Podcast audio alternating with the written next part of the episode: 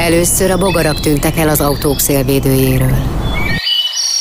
Aztán az emberek tűntek el az autókból. Később a madarak hallgattak el. Közben a megmaradt medvék lakmároztak a konyhai szemetesből. Rettegve szűkítettük életterünket, hogy aztán már semmit ne nevezhessünk élettérnek. Ha nem erre a filmre vett jegyet, hallgassa az Érdefem 1013 zöld magazinját. Minden hétfőn délután kettőtől Ölvedi Rékával az Érdefem 1013-on. Zöldövezet. Gondolkodjon globálisan, cselekedjen lokálisan. Üdvözlet a zöldövezetben, ha hétfőn, illetve ha az ismétlésekkor kedden és ha vasárnap hallgatnak minket, valamint podcast formájában bármikor és bárhol, Ölvedi Réka vagyok. Ma is globálisan gondolkodunk és helyi cselekvésre ösztönzünk, hogy érden továbbra is jó, sőt, egyre jobb legyen élni. A klímaváltozás, klímaalkalmazkodás, illetve David Attenborough az Egy élet a bolygónkon című dokumentumfilmjéről beszélgetünk Farkas Viktor Mátyással, a WWF Magyarország éghajlatvédelmi szakértőjével. Ugye ez most már egy sorozatnak mondhatom, hiszen már két kollégáddal is beszélgettünk ennek a filmnek a kapcsán. Ugye szó volt a környezeti nevelésről, illetve az erdőírtásról, és akkor most elérkeztünk az éghajlatvédelemig. Egy picit, ha össze tudnád foglalni a, a filmben, illetve a megélt helyzetben a tapasztaltakat, hogy mi most a helyzet, mi most a probléma? Van probléma? Hát hogy ne lenne probléma, sajnos van, és azt gondolom, hogy nagyon különleges időt élünk, legalábbis klímaváltozás szempontból biztosan, hiszen azt hiszem, hogy az elmúlt két év az, amikor eljutott a szélesebb közönséghez legalábbis Magyarországon ennek a problémája. Ez egy nagyon érezhető változás volt. Ez körülbelül két éve lehet tapasztalni, hogy a közbeszéd középpontjába került a klímaváltozás, úgyhogy azt gondolom, hogy erről már tényleg mindenki hallott. Úgyhogy a legalapvetőbb dolgokról csak nagyon keveset beszélnék, ugye, hogy foszilis tüzelőanyagokat égetünk, növeljük a levegő széndiokszid koncentrációját, a légkör széndiokszid koncentrációját, és ennek következtében ugye melegszik fel a föld éghajlata. Nem kell nagy felmelegedésre gondolni, az ipari forradalom kezdetétől kb. 1 Celsius fokot melegedett a föld, de ez valójában nagyon-nagyon sok és hát az a kihívás, amivel szembenézünk, hogy meg tudjuk állítani ezt a folyamatot egy olyan szinten, ami még biztonsággal átvészelhető az emberiség számára, az emberiség és az élővilág számára tulajdonképpen. Említetted, hogy ugye egy fokkal melegedett följebb a, a Föld. Ez, ez mit jelent? Miért veszélyes ez? Tulajdonképpen ez az egy fok ez egyáltalán nem tűnik soknak, tehát hogyha belegondolunk, hogy most éppen ugyanilyen lenne a hőmérséklet, mint amilyeneket ma is tapasztalunk minden nap, csak minden nap egy fokkal, meg minden éjszaka egy fokkal melegebb lenne, akkor ez végül is nem is hangzik egy drasztikus változásnak. De az a helyzet, hogy nagyon fontos érteni, hogy itt átlagokról van szó. Tehát az, hogy a Föld éghajlata átlagosan egy fokkal melegebb, az egyrészt különböző helyeken mért változások átlagából jön össze. És például tudjuk azt, vagyis hát megfigyelhető az, hogy a, a jégsapkáp környékén, tehát az északi és a déli sarkon ez a melegedés ez sokkal nagyobb míg az egyenlítőnél vagy a mérsékelt égövben pedig kisebb. Tehát az, hogy egy fok átlagos fölmelegedést tapasztalunk, az lehet, hogy például az északi sarkon átlagban másfél vagy kettő fok is lehet. Tehát, hogy egyrészt ebben van egy, egy térbeli változatosság, hogy hol mennyi. Másrészt van egy időbeli változatosság is, tehát még lehet, hogy mondjuk télen nem emelkedik nagyon nagyot a hőmérséklet, addig nyáron mondjuk nem egy fokkal lesz melegebb, vagy nem kettővel, hanem négy előttel. És ezek már bizony nagyon-nagyon nagy. Lehet, hogy csak egy hétig, vagy lehet, hogy csak egy napig. De ezek már olyan nagy változások, amiket az élővilág sem, és hát ugye az egészségügyi adatokból lehet látni, hogy sokszor az emberek sem viselnek nagyon jól. Tehát nem kell, hogy 40 fok körüli hőmérséklet legyen húzamos ideig ahhoz, hogy, hogy nagyon sok állat és növényfaj elpusztuljon, vagy nagyon sok idős, veszélyeztetett ember rosszul viselje ezeket a körülményeket. Tehát amit én, és ahogy én teszek, és élem a napjaimat meggondolatlanul, vagy akár tudatosan, az mind hozzájárul ahhoz, hogy mondjuk a a föld északi és déli csücskén, a sarkvidéken ott milyen pusztulás adódik, ha jól értem. Hát tulajdonképpen igen.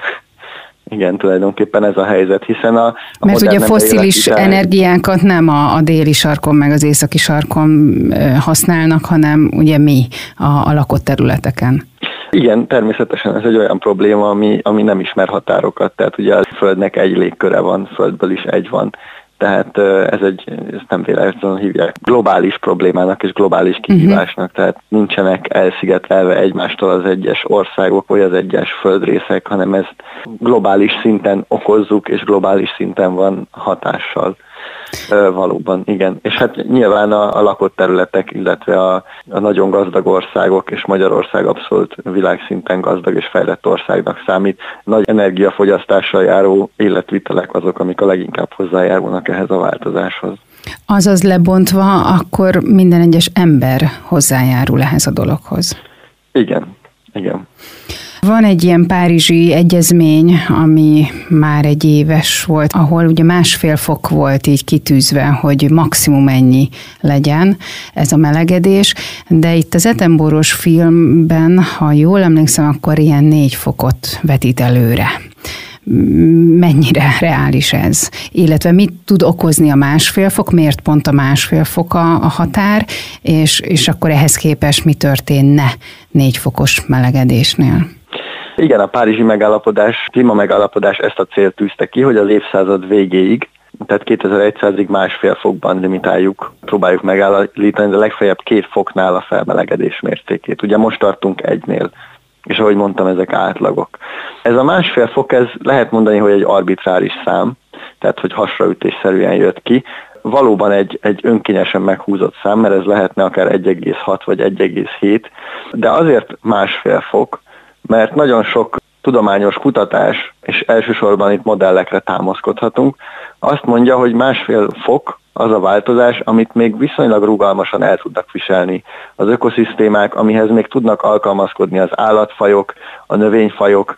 Ugye itt nagyon fontos, hogy mennyi idő alatt megy végbe ez a változás, hiszen például minden növényfaj, még a fák is, tudják változtatni az elterjedési területüket. Tehát mondjuk a madarak elfogyasztják a magokat, elrepülnek néhány kilométerrel arrébb, lepottyantják, és így igazából évszázados vagy évezredes léptékben a fáknak az elterjedése is tud változni, és le tudják követni a nekik megfelelő klímának a vándorlását. Hogyha kicsit melegebb van, akkor kicsit északabbra mennek, hogyha kicsit lehűl a az éghajlat, akkor kicsit délebre mennek.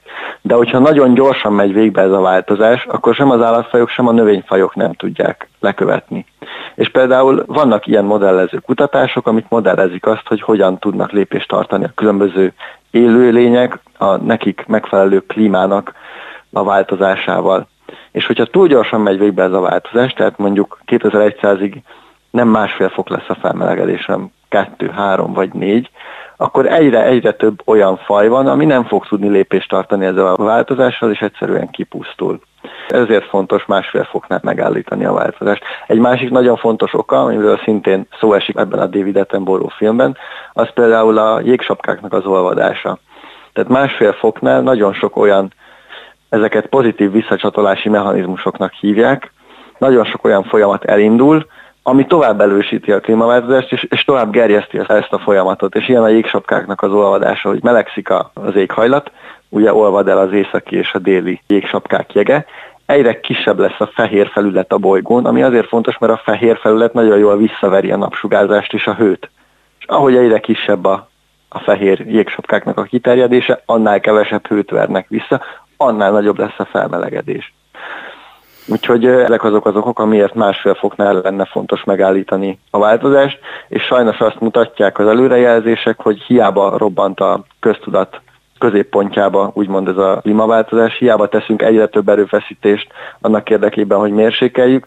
Másfél helyett ma a évszázad végéig kb. 3-3 és fél fokos felmelegedés felé hm. tartunk.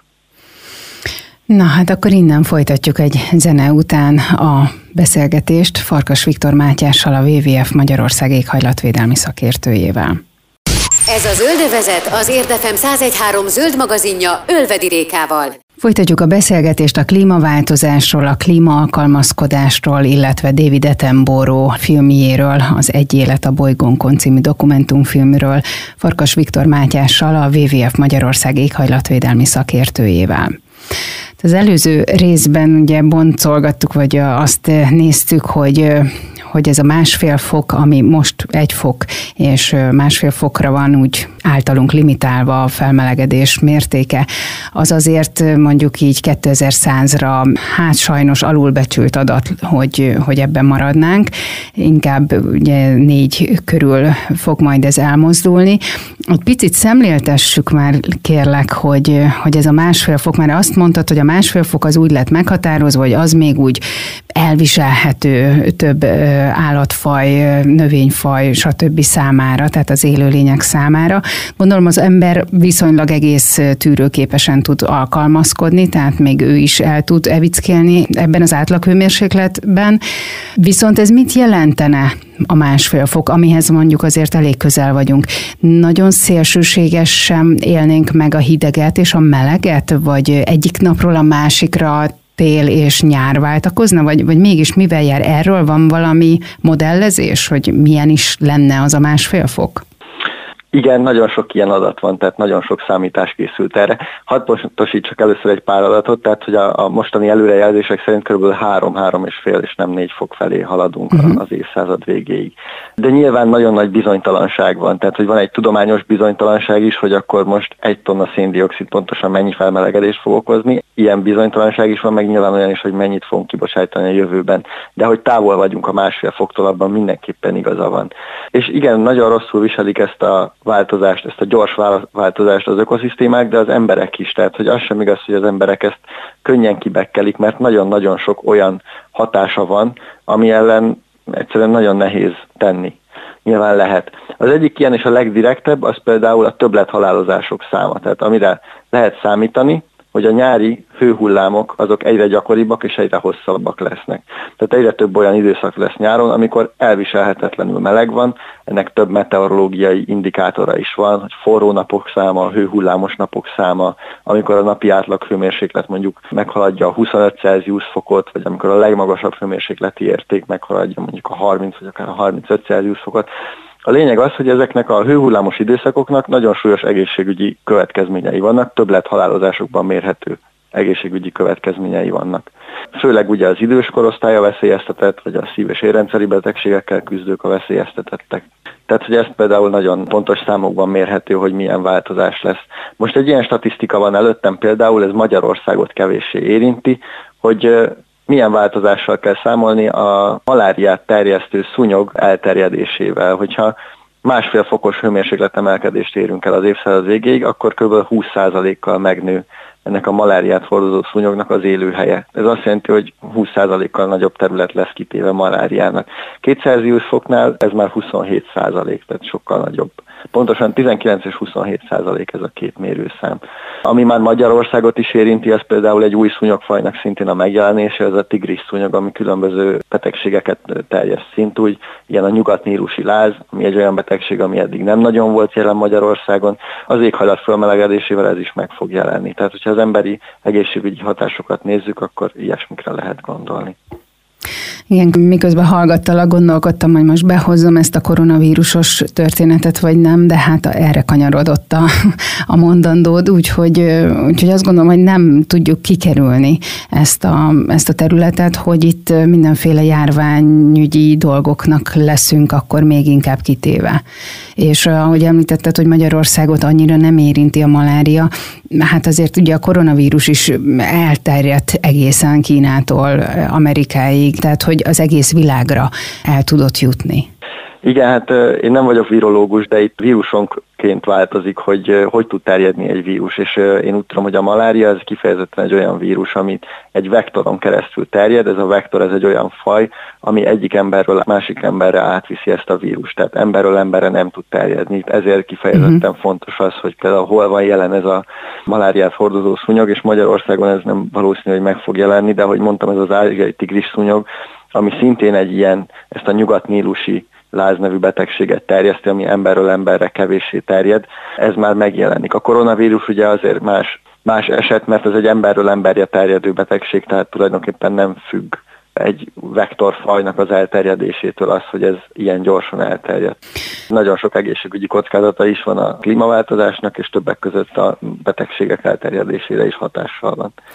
Hát és még nem is tudjuk, hogy akkor mi várható konkrétan, akár hogyha tényleg ez a három fok környéke megvalósulna.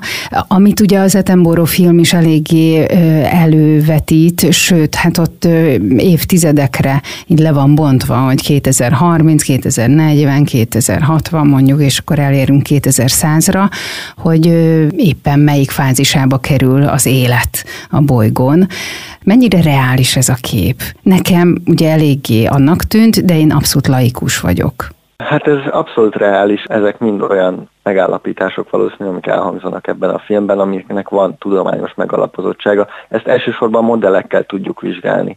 Tehát, hogy különböző éghajlati modellek vetítik előre, hogy mekkora lesz a hőmérséklet emelkedésnek a mértéke, és különböző modellekkel meg lehet mondani például, hogy ez egyes rendszerekre milyen hatással van. Az például egészen biztos és egészen pontosan kiszámolható, hogy a korallzátonyok azok el fognak tűnni a földszínéről az éghajlatváltozásra, hogyha így halad tovább. Erről részletesen szó van az Ettenboró filmben, ugye az a helyzet, hogy a a korallzátonyok, amik az egész Föld legdiverzebb, legsokszínűbb, legproduktívabb ökoszisztémái közé tartoznak, ott egy nagyon-nagyon finom egyensúly van két élőlény között, tehát a korallok tulajdonképpen fotoszintetizáló algákkal élnek szimbiózisban, amik a korallvázban beköltöznek, és ez a szimbiózis ez nagyon-nagyon kiszolgáltatott egyrészt az óceánoknak a hőmérsékletének, másrészt pedig az óceánok savasságának. És ahogy emelkedik az óceánok hőmérséklete szintén a felmelegedéssel, illetve ahogy az óceánok ezt a széndiokszidot el tudják nyelni, egy nagyon nagy részét el tudják nyelni, viszont egy picit ettől savasabbak lesznek az óceánok. És ez már elég ahhoz, hogy, hogy akkor az átonyok elkezdjenek talán kifakulni erre a magyar szó. A lényeg az az, hogy elhalnak ezek a, a korallok, és csak a mészvázuk marad a helyén, igazából összeomlanak ezek az ökoszisztémák. És ez egy nagyon pontosan meghatározható kapcsolat, óceán savassága, hőmérséklete és a korallzátonyok eltűnése között, és, és ez egészen bizonyos, hogy, hogy a korallzátonyok például fognak tűnni. De valószínű hasonlóan pontos és tudományosan megalapozott előrejelzéseket lehet tenni, például az erdőtüzek gyakoriságára, a mezőgazdasági rendszerek működésére, stb. stb. Igen, ez a fehér korallzátony, ez számomra is egy ilyen nagy meglepetés volt így a filmben, hogy ugye ezt egy ilyen csodálatos dolognak tartjuk, hogy milyen szép, meg minden, és akkor így kiderül, leleplezi egy laikusok számára David Attenborough, hogy hát ez már egy elhalt zátony, korallzátony, tehát hogy ez Igen. bajban van. És van még egy megkapó jelenet a filmben, illetve hát sok, de ami még így ide tartozna, ezzel fogjuk a következő blogban folytatni. A beszélgetést majd Farkas Viktor Mátyással, a WWF Magyarország éghajlatvédelmi szakértőjével. Ez a Zöldövezet az Érdefem 1013 zöld magazinja Ölvedi Rékával. Folytatjuk a beszélgetést a klímaváltozásról, a klímaalkalmazkodásról, illetve David Attenborough filmje kapcsán az Egy élet a bolygónkon című dokumentumfilmről Farkas Viktor Mátyással, a WWF Magyarország éghajlatvédelmi szakértőjével. Ugye a filmben, mivel vizuális effekteket tud alkalmazni, ezért eléggé meghatározó jelenetek vannak, látvány és állatok, növényvilág pusztulását bemutató folyamatot lehet ugye végig tekinteni.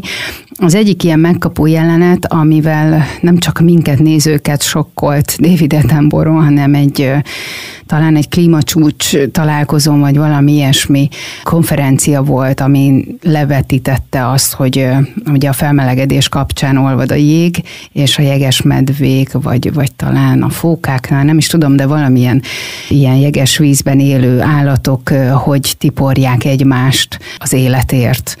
Ettől azért mindenki borzongott, amikor ezt láttam. De hát ez is a valósághoz tartozik, hogy, hogy lássuk, hogy amivel mi itt tevékenykedünk, az milyen hatással van tőlünk több ezer kilométerre.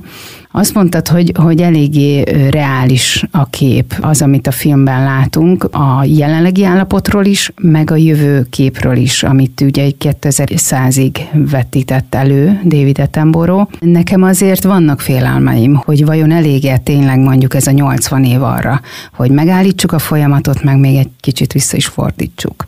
Igen, nekem is vannak félelmeim ezzel kapcsolatban. Nagyon-nagyon gyors változásra volna ahhoz szükség, hogy ezt a folyamatot lefékezzük, és nem csak arról van szó, hogy radikálisan csökkentenünk kell az energiafelhasználásunkat, a széndiokszid kibocsátásunkat, hanem arról is, hogy el kell kezdenünk olyan lépéseket tenni, amikkel tompítani tudjuk az éghajlatváltozás hatását, mind a természetre, mind az emberi rendszerekre, ezt pedig már klímaalkalmazkodásnak hívjuk. Itt nagyon fontos az például, hogyha természetről beszélünk, hogy kijelöljünk védett természeti területeket, ezeknek legyen egy jól összekapcsolt hálózata, ahol a fajok tudnak mozogni és le tudják követni a klimatikus viszonyok változását. Tehát, hogy föl lehet készülni ezekre a változásokra, abszolút, az is reális, hogy még nem vagyunk túl későn ahhoz, hogy megfelelő ütemben csökkentsük a széndiokszid kibocsátásunkat. Ugye az Európai Unió tavaly tűzte ki maga elé azt a célt, hogy 2050-re eléri a klímasemlegességet, ez nem azt jelenti, hogy nulla lesz a széndiokszid kibocsátása, lesz valamennyi széndiokszid kibocsátása, hiszen vannak olyan folyamatok, például ilyen a cementgyártás, amik egyszerűen széndiokszid kibocsátással járnak, nem az energiafelhasználásuk miatt, hanem mert olyan kémiai reakciók mennek végbe. Tehát ezekből a folyamatokból mindenképpen lesz széndiokszid kibocsátás, de ezt el is lehet nyelni. Tehát ilyen például a különböző természetes élőhelyeknek a helyreállítása. Ugye az erdők a ma ismert legjobb széndiokszid megkötő technológia, felhagyott szántóterületek újraerdősítésével, vagy akár nem felhagyott, hanem bármilyen szántóterületek újraerdősítésével, vizes élőhelyek helyreállításával, gyepek helyreállításával mind-mind megköthetünk széndiokszidot. A lényeg az, hogy a nettó érték 2050-re nulla legyen, utána pedig el kell érnünk a negatív kibocsátást, vagy hát az elnyelést, és 2050-től pedig egyre növekvő ütemben széndiokszidot kell kivonnunk a légkörből ahhoz, hogy ez a cél elérhető legyen, de elérhető. És kik dolgoznak azért, hogy ez elérhető legyen? Oké, okay, vagytok ti, meg van még egy pár, jó pár ilyen hasonló szervezet. Mit lehet elérni? Hú, hát ez egy nagyon tág kérdéskör. nagyon sokan dolgoznak nyilvánvalóan ezen, mind a szabályozói oldalról, mind a civil oldalról, mind a technológiai oldalról. De tényleg dolgoznak? Azt érzed, hogy, hogy itt most már, már mindenkihez, akihez nagyon fontos volt, hogy eljusson, eljutott az információ. Mert ugye hír volt arról, hogy mégsem érjük el mondjuk azt a célt, amit szeretnénk, mégsem hozzák meg azt a döntést, ami jó lett volna, és tudományos úton is alá van támasztva. Tehát azért nem tűnik úgy, hogy, hogy mindenki teljesen komolyan érezni a probléma súlyát. Ja, hát abszolút nem érzi mindenki teljesen komoly a probléma súlyát, csak sokan dolgoznak rajta. Uh-huh. Ez vitathatatlan, de, de, de egyáltalán nem kap akkora teret. Ennek a fontossága valószínű, amekkorát megérdemelne. Tehát az a helyzet, hogy a Föld összes országában az első számú cél tulajdonképpen politikai cél, az még a mai napig a gazdasági növekedés. Hiszen ha nem növekszik a gazdaságunk, akkor instabilá válik, akkor gazdasági válságba kerülünk. Úgyhogy még mindig mindenhol ez a mindent felülíró cél, hogy a gazdaságoknak növekedni kell, és az éghajlatvédelmi intézkedéseknek a mozgástere, úgy mondom, az ezáltal a cél által korlátolva van. Tehát, hogy olyan intézkedések terjednek el, amik a gazdasági növekedéssel alapvetően összeegyeztethetők. Ilyen például a napelemek telepítése, a zöld energiára való átállás, de annak is nagyon fontos célnak kellene lennie, hogy, hogy csökkentsük a lábnyomunkat, tehát hogy, hogy kevesebb erőforrást használjunk föl, ami erőforrást felhasználunk, azt hasznosítsuk újra, ezt nevezik például a körforgásos gazdaságnak. Tehát a, mostani gazdasági rendszerek azok úgy épülnek nagyjából föl, hogy, hogy lineárisak, tehát nyersanyagokat termelünk ki, ezeket a nyersanyagokat hasznosítjuk, eszközöket gyártunk belőle, azokat az eszközöket rövid ideig használjuk általában, hamar elromlanak, nem javítjuk meg, és utána eldobjuk őket. Hulladéklerakókba kerülnek. Sokkal fontosabb lenne, hogy ne új nyersanyagok kitermelésével állítsuk elő az eszközeinket, hanem azokat használjuk minél tovább, hogy elromlanak, javítsuk meg, ha nem lehet megjavítani, akkor használjuk valamilyen más célra, és ha már ez sem lehet, akkor pedig hasznosítjuk újra a, a nyersanyagokat. Tehát, hogy nagyon nagy tere van még a klímavédelmi intézkedéseknek. Na hát akkor innen folytatjuk egy zene után a beszélgetést Farkas Viktor Mátyással, a WWF Magyarország éghajlatvédelmi szakértőjével.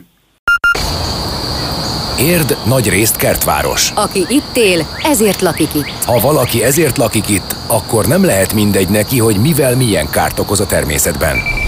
Zöldövezet. Gondolkodjon globálisan, cselekedjen lokálisan. Az Érdefem 1013 zöld magazinja Ölvedi Rékával minden hétfőn délután kettőtől. Folytatjuk a beszélgetést a klímaváltozásról, a klíma-alkalmazkodásról, illetve David Attenborough filmje kapcsán az Egy élet a bolygónkon című dokumentumfilmről Farkas Viktor Mátyással, a WWF Magyarország éghajlatvédelmi szakértőjével. Nekem az a teóriám, hogy ha én megteszek azt, amit csak tudok, és mondjuk a szomszédom is megteszi, meg majd azután az ő szomszédja is megteszi, akkor azért ezzel is valamilyen lépést el lehet érni. Ezt te meg tudod erősíteni, vagy azt mondod, hogy egyelőre a fenti szinten kellene valamit hozni, és, és majd csak utána kerüljünk mi sorra? Sajnos nincs mozgástér arra, hogy egyiket csináljuk először, és csak utána a másikat. Mind a kettő nagyon fontos. Tehát valóban ami témák, amiket én érintettem eddig, azok elsősorban a döntéshozói felelősséget firtatják, vagy a döntéshozók körében meghozandó intézkedéseket érintenek, de nagyon fontos az egyéni felelősség is ebben a történetben, hiszen rengeteg olyan nagyon nagy kibocsátással járó tevékenység van, amit abszolút el tudunk dönteni egyéni szinten, hogy, hogy élünk ezekkel a lehetőségekkel, vagy sem. Például? Hogy hozzak egy példát, ilyen a repülés. A, uh-huh. a repülés az egy ma nagyon olcsón, nagyon könnyen hozzáférhető utazási forma, néhány óra alatt eljuthatunk a Föld egyik feléből a másikba, és amúgy ahhoz képest, hogy ez mekkora terhet ró a bolygóra iszonyatosan olcsón, Gondoljunk bele, hogy ma már vannak olyan emberek, akik egy hétvégére elrepülnek valahova nyaralni. Ez néhány éve még elképzelhetetlen volt. De a repülésre használt kerozint az Európai Unióban nem adóztatják külön, tehát hogy a hatásához képest nagyon olcsó a repülés, és ezzel nagyon sokan is élnek. De dönthet úgy bárki, hogy nem ül repülőre, megpróbál nem olyan programokat csinálni, amihez repülőre kell ülni, hanem utazik vonattal vagy autóval, többet magával, ezeknek mind sokkal alacsonyabb a széndiokszid lábnyoma, mint a repülésnek. A másik ilyen például az étrendünk megváltoztatása. Ugye Magyarországon nagyon nagy hagyománya van a húsfogyasztásnak, viszont azt tudni kell, hogy egy egység húsból bevitt, vagy állati fehérjéből bevitt kalóriához sokkal nagyobb területre van szükség, hogy azt megtermeljük. Tehát ugye míg, míg adott egység tápanyagot, növényi, akár proteint is, tehát akár fehérjét is növényi forrásból egészen könnyű bevinni, egészen kicsi lábnyommal be lehet vinni addig állati fehérjéből, és, és különösen nagy lábnyomó amúgy a marhahús, az sokkal-sokkal nagyobb ökológiai lábnyommal bír. Tehát például ezt a kettőt, ez egy abszolút nagy vállalás, nagyon sokaknak e- esik nehezére lemondani a húsról, én is eszem amúgy húst, ilyenkor fontos megválogatni, hogy akkor milyen forrásból, meg mennyit, meg milyen állati fehérjét eszünk. Nagyon sok embernek esik nehezére lemondani a repülésről, mégis ezek olyan dolgok, amiket egyéni hatáskörben meg tudunk hozni ezeket a döntéseket. A foszilis energiát említetted így a legelején, hogy ugye az a, a legrombolóbb talán. Ezzel így, mint, mint egyén szintjén, hogyan tudjuk segíteni ezt a folyamatot, hogy megállítsuk, vagy legalább ne terheljük annyira a környezetünket? Mit választunk? Hát a repülés abszolút ilyen, de hogy még egyet említsek, uh-huh. ami nekem személyes kedvencem, az az, hogy eh, mennyire fűtjük az otthonainkat, és, és mennyit költünk azoknak a, a jó állapotára, vagy a hőszigetelésére. Tehát például hogyha valakinek van lakástulajdona, vagy háztulajdona, abba azt gondolom, hogy megéri befektetni, tehát hogyha valaki nem albérletben lakik, mert ez egy olyan beruházás, ami rendben van, hogy drága, de a saját tulajdonának az értékét növeli, és nagyon hamar megtérül. Tehát például a házak energiaszigetelésével drasztikusan csökkenthető a fűtésszámla, és ezzel drasztikusan csökken ugye a, ezeknek az otthonoknak a széndiokszid kibocsátása. Az otthonok hűtése, fűtése az nagyon-nagyon sok széndiokszid kibocsátással jár, és ezeknek az épületeknek a leszigetelése nagyon sokat tud ezen segíteni. De már azzal is sokat tudunk segíteni, hogyha éppen nincsen több millió, vagy akár több tízmillió forint is lehet egy ilyen energetikai korszerűsítés, nyilászárócsere, stb. Tehát, hogyha nincsen ilyen nagy tőkénk, hogy ezt a problémát megoldjuk, akkor azzal is nagyon sokat segíthetünk, hogyha tényleg mondjuk nem 21 fokra fűtjük a házat, vagy 22-re, vagy kihányra szokta, hanem mondjuk csak 20-ra, vagy 19-re, és fölveszünk egy melegzoknit, meg egy pulóvert, ez is nagyon sokat tud számítani. Lehet tehát egyénileg is hozzájárulni ahhoz, hogy megállítsuk ezt a folyamatot, amiben éppen vagyunk, és akkor, ha jól értem az üzenetedet, ne várjunk a felelősökre a, a, arra, hogy fentről elindítsanak valamilyen, nem tudom, utasítást, hanem mi magunk tehetünk akkor azért, hogy, hogy tényleg legyen jövőnk. Abszolút így van, és ezt, hogy ne várjunk, ezt is abszolút támogatom, hogy ne várjunk rá, viszont várjuk el a döntéshozóktól. Tehát um, igen, én nagyon fontosnak tartom azt, hogy, hogy követeljük meg a politikusainktól, hogy hozzanak olyan felelős döntéseket, amik nem csak azt tartják szem előtt, amik a magyar diskurzusban amúgy benne vannak, nem csak az itthon mainstream politikai dolgokkal foglalkoznak, hanem megjelenik a felelősségvállalásuk között az éghajlatváltozással való megküzdés is.